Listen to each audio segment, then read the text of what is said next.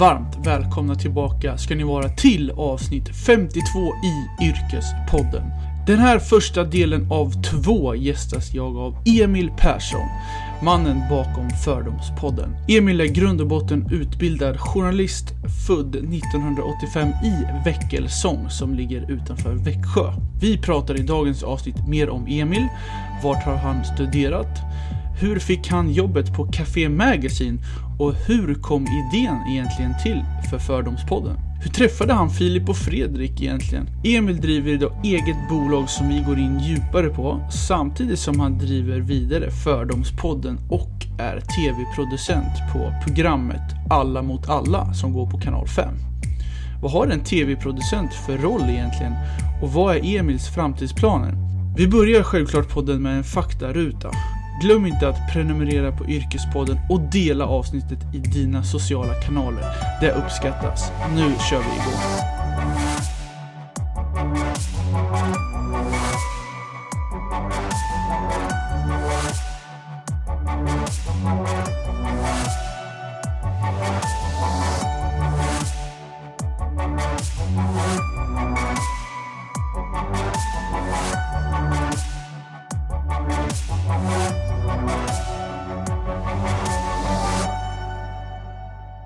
Välkommen till Yrkespodden Emil. Stort tack. Hur är läget? Läget är eh, okej. Det är en dag innan valborg. Det är kallt. Det, det, ja, men det är ju en, en märklig tillvaro givetvis. Men man har också vant sig vid att undantagstillståndet är normaltillståndet på något sätt. Så man, man lunkar ju på i något slags horisontlöst undantagstillstånd som är märkligt. Men eh, det går bra. Det är, liksom, det, är, det är väl en två plus tillvaro. Men eh, det kunde också vara värre. Det finns ju många människor som lider mer av det här som lever i en en plus tillvaro just nu. Så jag har varit frisk och jag kör på. Man jobbar hemifrån, man eh, dricker kaffe och ja, försöker roa sig efter bästa förmåga. Mm, På något sätt. Ja. Vad, vad händer i ditt liv just nu? När Det- kommer till jobb och livet och allting. Ja, just nu så kommer jag från eh, ett annat tomt kontorslandskap in till detta. För vi, eh, jag jobbar ju till vardags på Nexiko, tv-produktionsbolaget. Och eh, de vill inte ha för mycket folk där så att det är ju så att olika redaktioner och produktioner får jobba hemifrån vissa veckor. Och då istället för att sitta hemma och jobba, för jag får inte så jävla mycket gjort i den miljön, så sitter jag hos en en kompis som har en byrå på Stureplan där det också då är ett tomt kontorslandskap just nu. Så att det är bara för att komma iväg om dagarna. Så att jag, jag sitter där och eh, skriver eh, frågor till eh, frågesportprogrammet Alla mot alla på kanal 5. Som jag jobbar med. Så att det, det är så mina dagar ser ut. Och sen, eh, ja, inte så mycket mer. Jag försöker springa lite grann, göra något konstruktivt av, av all tid man får över. Ja, det är bra. Ja, det var bra. Men så fick jag ont i benhinnorna. Så att nu, nu har jag varit tvungen att hålla upp ett par veckor. Så det är ju det man gör. Sen kollar jag slaviskt på alla presskonferenser klockan 14. Ja. Tror att det är destruktivt att göra det, men jag gör det. Och eh, jag ser Aktuellt och eh, TV4-nyheterna varje kväll. Jag är lite besatt av det som händer. Anders Tegnell till eh, Fördomspodden. Ja, det är ju, det vore såklart drömmen. Men jag tror också att jag skulle få en, rättmätigt så, en fatwa efter mig om jag tog upp hans tid för att sitta och fråga om hans typ pung. Just nu. Vilket ändå säkert hade blivit någonting om. Så att jag, jag skulle älska honom, jag älskar honom som människa. Liksom, oavsett hur det går för hans strategi och så här, det orkar jag inte ens prata om. Men jag tycker att han som person verkar vara så jävla härlig.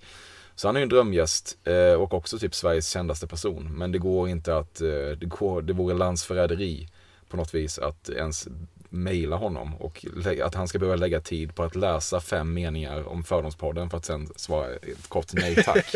Det, han har viktigare saker för sig. Ja, jag förstår. Det kanske blir när det har lagt sig lite. Ja, det kan man försöka. Men grejen med honom också, det som gör honom älskvärd är att jag tror inte han kommer vilja ens stå. Han verkar ju helt oberörd av personkulten och helt ofåfäng.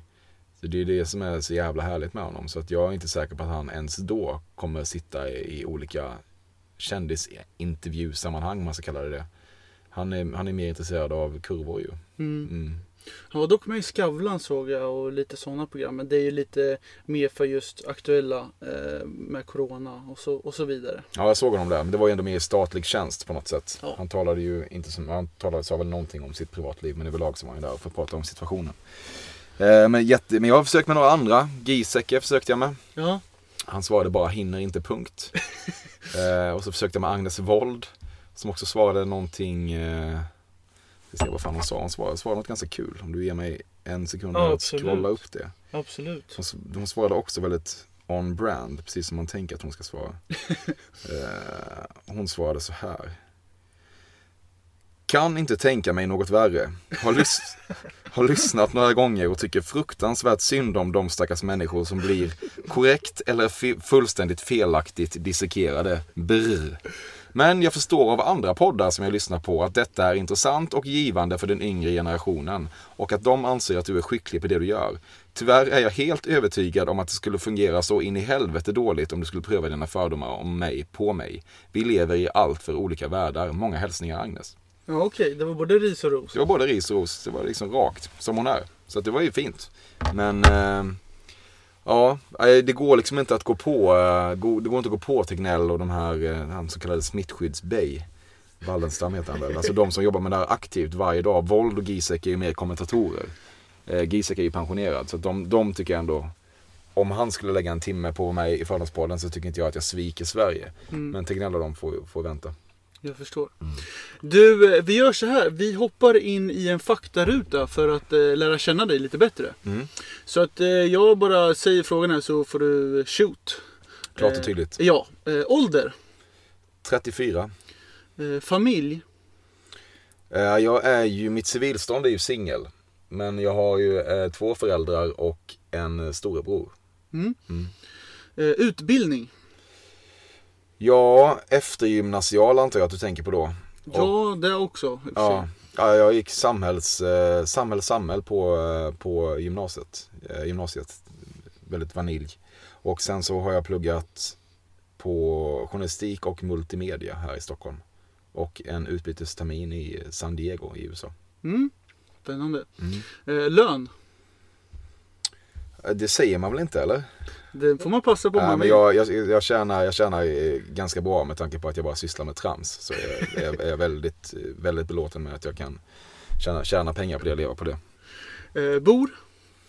Jag bor eh, söder om Söder. Typ i skärningspunkten mellan Gullmarsplan och Skärmarbrink kan man säga. Bakom det här bizarra höghuset som de har smält upp där. Mm, Om mm. du har sett det. Ja, det har man märkt Ja. av. eh, hobby. Svårt.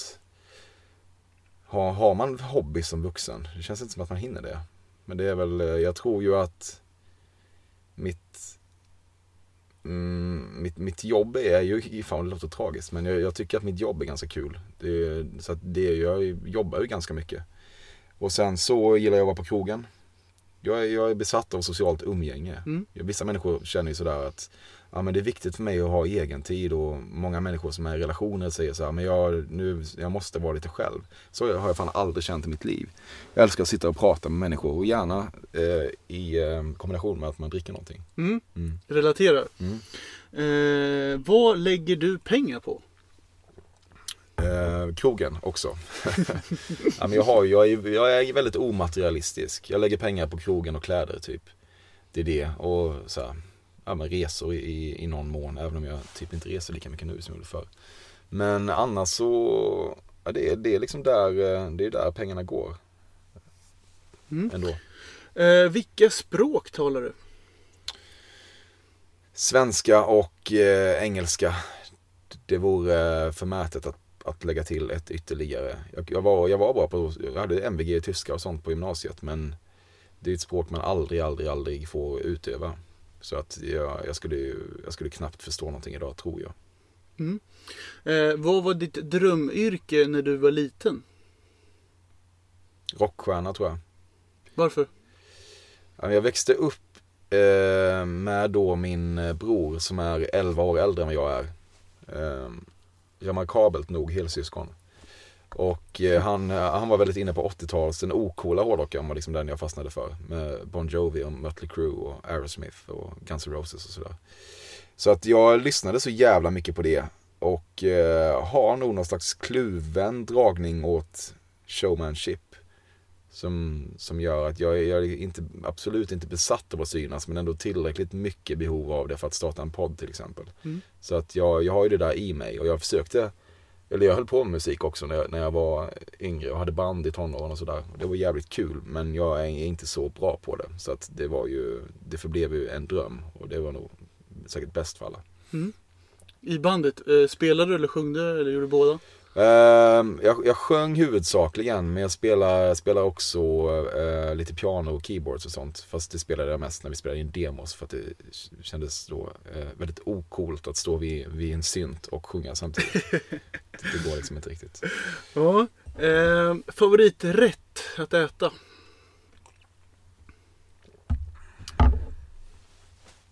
Ja. fan kan det vara? Nu sitter där på krogen, vad beställer du?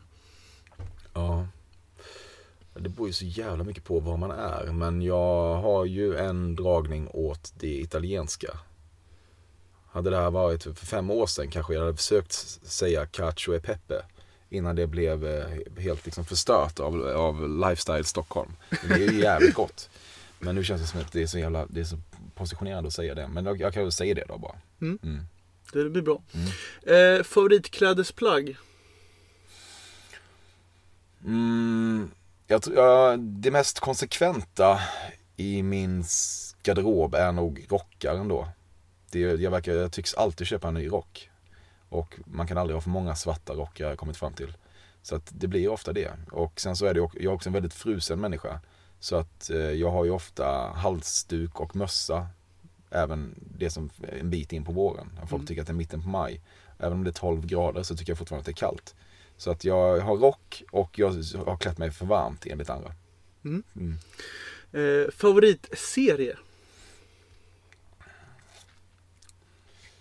Genom alla tider. Ja, om Mm. vi tar det. Mm. Jag, jag, jag, kommer ändå att säga Breaking Bad. Jag, jag har, har ju liksom sett alla de här som alltid är i den diskussionen. Och det är, det är ju idel 5 plus serier. Och det är ju mer populärt kanske att gå på Vita huset eller Sopranos eller något sånt. Men jag, jag har aldrig varit så besatt av en tv-serie som var Breaking Bad. Jag, jag började se den i efterhand så att jag var exakt i fas till de sista åtta avsnitten. För den sista säsongen är ju uppdelad i, i, i två delar då. Just det. Bestående av åtta avsnitt. Så då, var jag, då var jag verkligen med i, i all diskussion som fanns kring den. Och det var... Jag, jag minns att jag satt, eh, jag ringde en kompis med mig som heter Marcus som också var, för det var innan Sverige riktigt hade fattat hur bra Breaking Mm, Bad var tror mm. jag. Så vi pratade ofta i timmar, det var, jag kommer inte ihåg vilken dag avsnitten släpptes i USA, men vi pratade i timmar varje kväll liksom efter vi hade sett nya avsnittet och man läste så jävla mycket om det hela tiden och, och sådär. Så det var ju, ja, men jag har, aldrig, jag har aldrig varit så besatt av en serie så att det vore ohederligt mot mig själv emotionellt att påstå att något annat har gjort starkare intryck på mig. Då kör vi på den. Mm. Eh, nu är det så här, dröm-tv-produktion att göra. Nu jobbar ju du med en väldigt roliga eh, tv-folk som Filip och Fredrik. Men om du fick drömma lite fritt, vad, vad liksom känner du att du skulle vilja göra inom tv?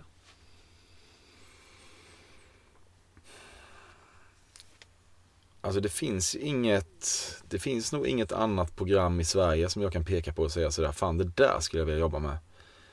Utan jag, jag har egentligen aldrig ens tänkt att jag nödvändigtvis skulle jobba med tv, det bara blev så. Och då har det varit de projekten som jag har jobbat med som har känts eh, kul. Först då Breaking News, som var Filip och Fredriks förra program, nå- något slags perverterad version av en talkshow. Och eh, nu då det här frågesportsprogrammet, Alla mot alla. Och eh, det är, det är Ja, jag, jag har bara trivts, dels trivts jävligt bra med dem och dels trivts jävligt bra med människorna som jobbar med de här programmen. Det är liksom mitt folk på något, vis, på något vis. Vi är lite samma skrot och korn. Så att jag har aldrig, eh, men skulle det vara så att de här, det här, om Filip och Fredrik skulle dö imorgon så är jag inte alls säker på att jag skulle fortsätta jobba med TV. Att jag, skulle, jag vet inte vad jag skulle göra då, men det är inte så att jag är, lockar så jävla mycket av media till sig. Utan jag har känt att de här eh, ja, men erbjudanden som har funnits har varit så jävla kul.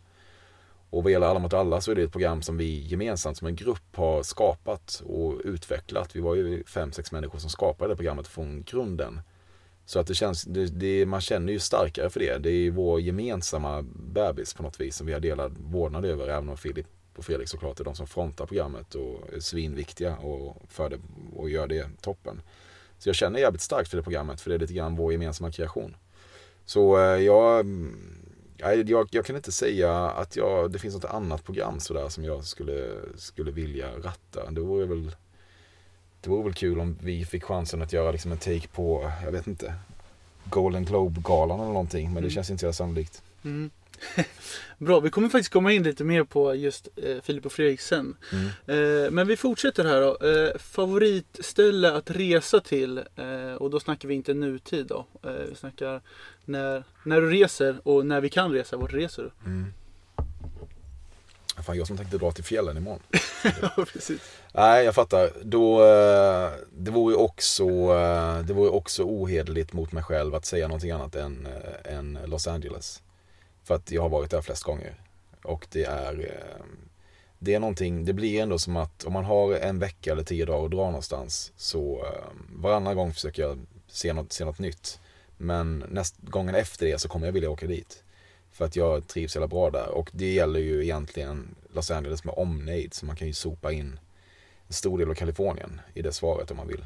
Man kan ju bila upp till San Francisco eller vindistrikten runt Napa eller Santa Barbara och sådär. Så det finns väldigt mycket, mycket härligt där.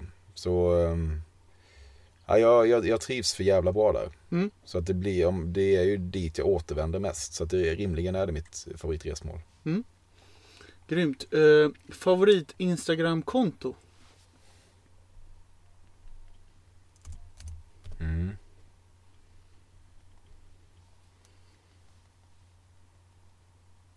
Vad fan kan det vara? jag måste du ska få något kul här, vänta. Mm. Vad roas jag av?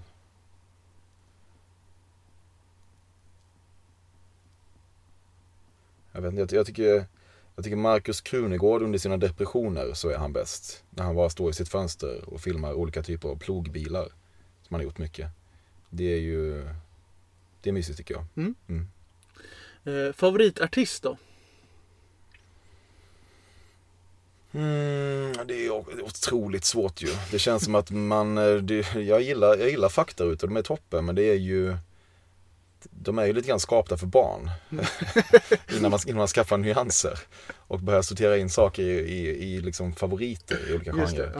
Men vad fan, jag, kan ju hålla min konsekventa linje då. I och med att jag försöker då, som jag uppenbarligen gillar att säga, vara hedlig mot mig själv. Ja, ja. Och då får jag väl gå på Bruce Springsteen. För att det är Bruce som jag har sett eh, live flest gånger. Typ 25 eller vad fan det är. Mm. Så, eh, ja men jag dör för honom. Mm. Sen så är det ju som det är med alla husgudar av olika slag så lyssnar man ju så mycket på dem att det kan gå ett år nästan utan att man återvänder till dem ibland för man har hört det så jävla mycket. Men så händer det någonting att det kommer en ny låt eller man, man har någon kväll och man snöar in på gamla YouTube-klipp eh, eller att det kommer en turné. Och så börjar man lyssna igen och då är det ju rabbit hole. Då är man ju fast där säkert ett år också. Så det är, jag, har, jag har haft en, en, väldigt dålig känsla av att någon i E Street Band, hans kompband, ska dö. det är som att jag fått ett omen. Okay. Fast det, det, finns ingen logisk förklaring på det. Men det är väl någonting med att många, John Prine, en countryartist som jag älskar, dog av, av covid-19. Och, så? Ja, det gjorde han. Oj. Ja, han, han är otrolig. Och, eller var. Och sen så Jackson Brown som jag också älskar verkar väl må bra men insjuknade också i detta och han känns ju riskgruppig. Mm, mm. Så, och det är någonting med att jag haft en känsla kring E Street att de har turnerat så lite på senaste tiden att det är någonting som inte stämmer där. De är ju också gamla och vissa av dem har ju opererat sig i, på olika sätt och sådär. Så att jag, jag, är lite, jag är lite rädd för att, eh, att något kommer hända där. Men jag, jag kan egentligen inte, jag har inget belägg för det. Mm. Så det är tråkigt. Men eh, ja, Bruce Springsteen. Mm det är jättebra. Mm. Eh, favoritpodcast då? Om du inte får välja din egen. Mm. Vad lyssnar du på? Jag lyssnar inte så mycket på poddar som man skulle kunna tro faktiskt. Men eh, det, på senare tid så har jag ändå varit besatt av, eh, av Erik Nivas podd. Mm. Den är, som så jävla många andra givetvis. Den, den är mysig. Ska man tipsa om något smalare så finns det en podd som heter Rewatchables. Som är en amerikansk podd där de snackar om om gamla filmer och gå på djupet med dem. Ofta med kul eh, gäster. Så här, Quentin Tarantino har varit där en del. Den är mysig också. Mm. Men fotboll, det är ett intresse. Ja, jag älskar fotboll. Jag är, är nästan helt och hållet idrottsointresserad förutom fotboll. Okej. Jag ser, jag, det kan lätt gå ett OS där jag ser noll minuter. Mm. Trots att det är diverse svenskar i final och sånt. Det skiter jag egentligen i. Men eh, fotbollsintresset är, är väldigt aktivt. Ja, och favoritlaget är Liverpool? eller? Ja, Mm. så är det. Så det finns ju något väldigt poetiskt i det här att vi leder ligan med 25 poäng. Men risken är stor att vi ändå inte kommer vinna den. Ja, ni kommer få höra det eh, om ligan blir inställd ett antal år framöver. Ja, men jag, det här, folk kanske skiter i det här. Men jag, tycker det, jag funderar faktiskt mycket på vad det kommer göra med ens eget intresse. Jag är lite rädd för att man faktiskt Jag undrar om mitt fotbollsintresse kommer vara svalare om ett år. Om det är så att, att vi, Liverpool inte vinner ligan nu. Mm. För att det är så här, det, det, det går inte att skriva den här sagan. Liverpool har då väntat i 30 år på att vinna en ligatitel. Och har varit historiskt en av de absolut främsta klubbarna i England. Nu är vi väl två efter United.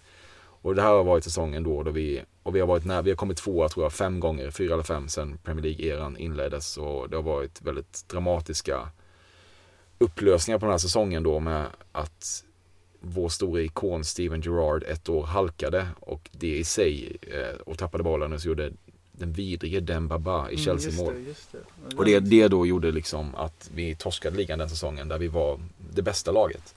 Och nu har det varit en säsong då, och förra säsongen då så tappade vi, förlorade vi med en poäng mot Manchester City. Eh, trots att vi hade den tredje högsta poängskörden i Premier Leagues historia, 97 poäng. Och vann ändå inte ligan, för City hade 98.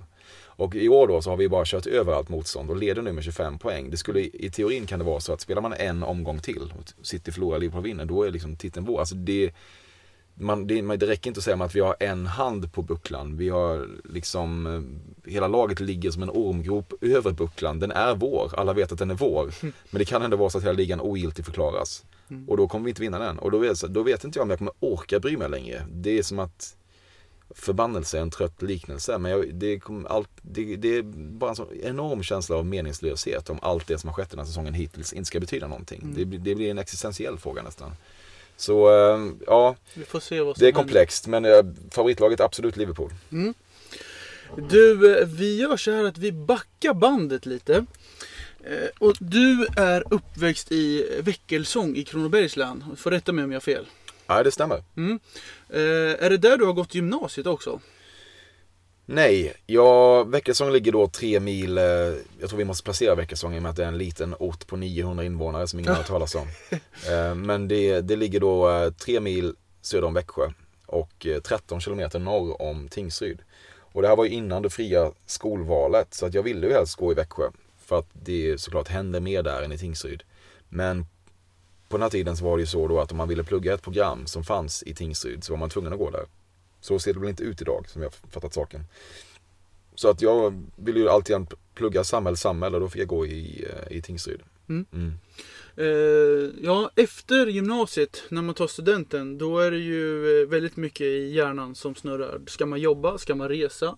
Ska man gå militären? Ja, det finns ju massa olika alternativ. Vad, vad gjorde du efter studenten?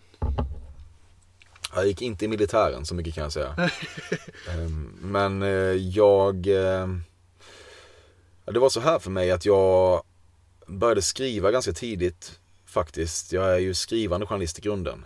Precis som Filip och Fredrik och ganska många i det där gänget. Vilket jag, tror är en fördel. Våra program är ju ganska ofta språkligt uppbyggda på något sätt. Men eh, jag började skriva i Smålandsposten när jag var 15. Som var det, eh, lokaltidningen där nere.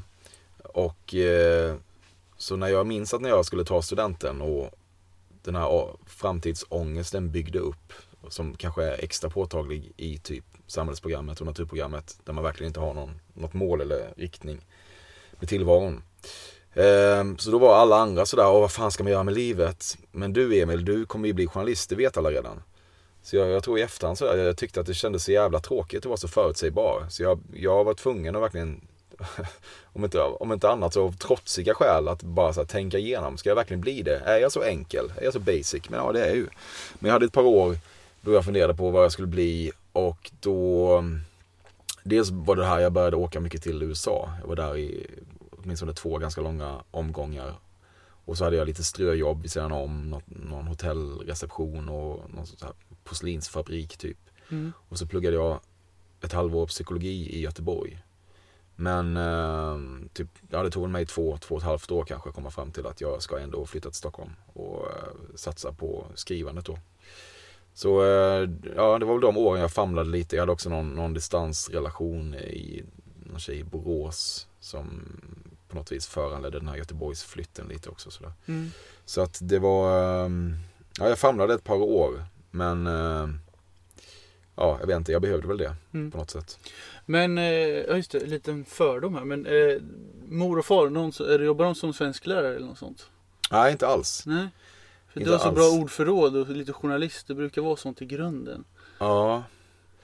Ja, det är ju ganska ofta då i och med att jag har så för många, eller nästan alla mina vänner är ju i mediebranschen på ett eller annat sätt. Ja. Det blir ju så, uppenbarligen.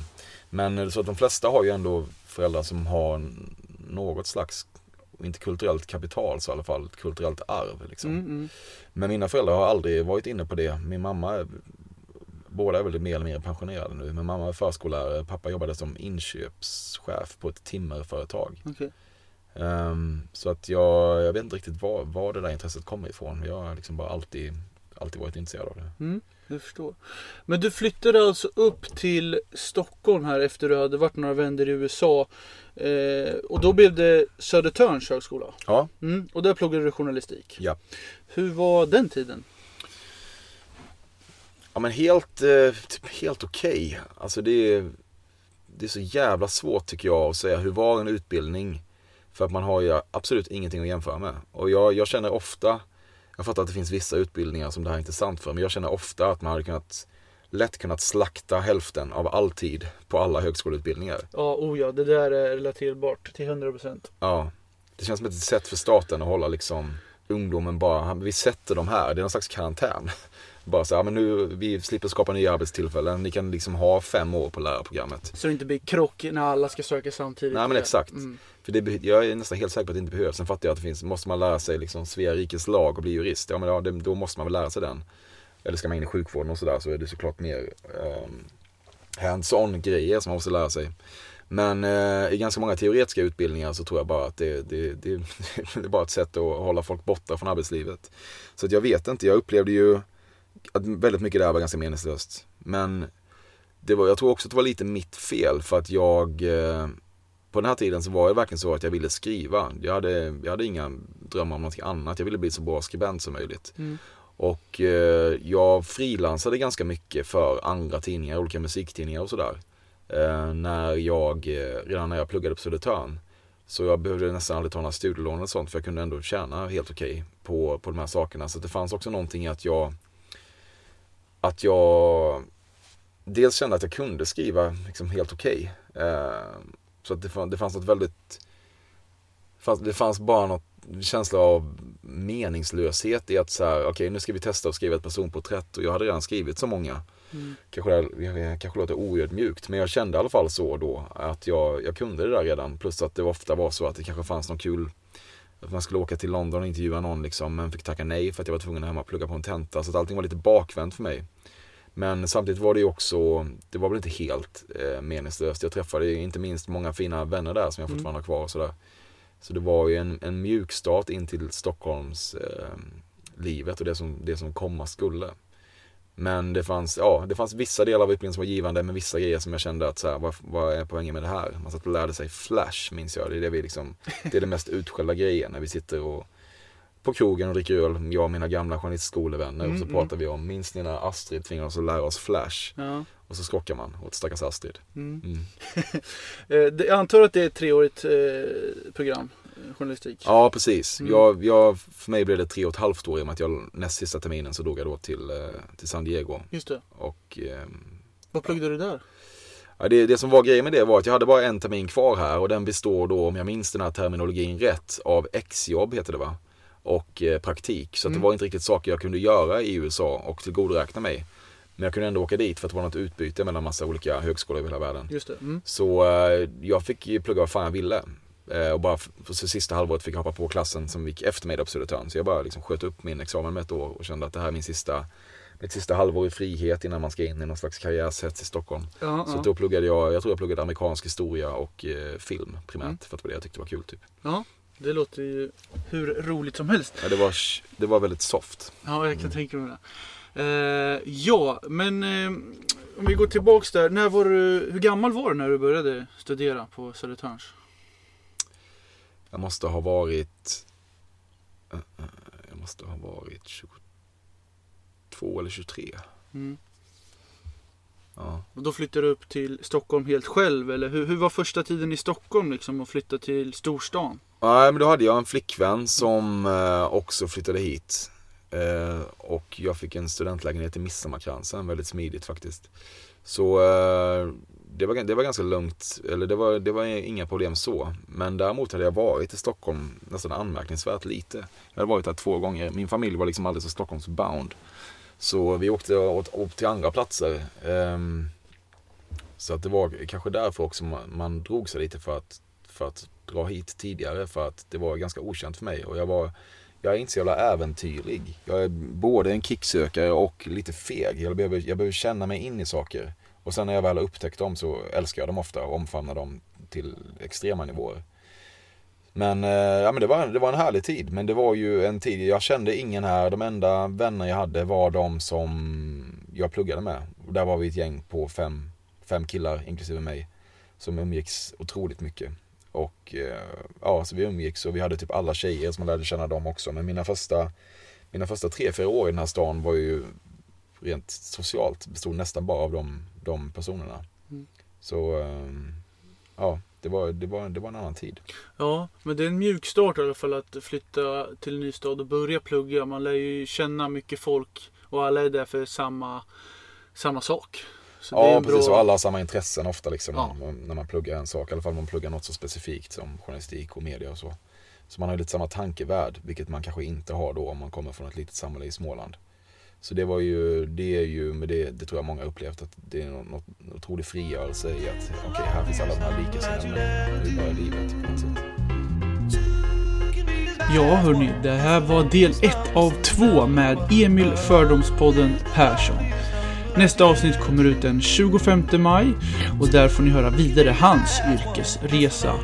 Ni får jättegärna skicka in tips på förslag på gäster som ni vill höra i Yrkespodden. Och det här gör ni lättast genom att skicka DM via sociala medier, det heter Jens Jangdin, eller mejla mig på jens.jangdin.hotmail.com. Vi hörs i nästa avsnitt. Planning out all of my next moves to expose the most unlikely artists to make it out of the West Coast.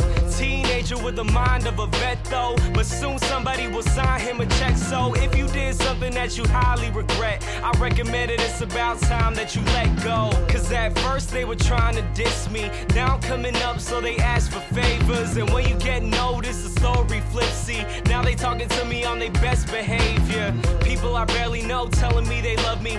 Two faced friends only in it for the money can you trust when he trying to be the greatest? But now I'm waving bye to you haters until I'm number. one.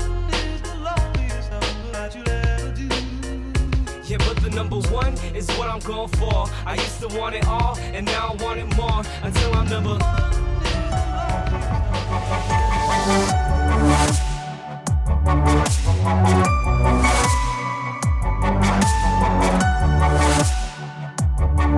One.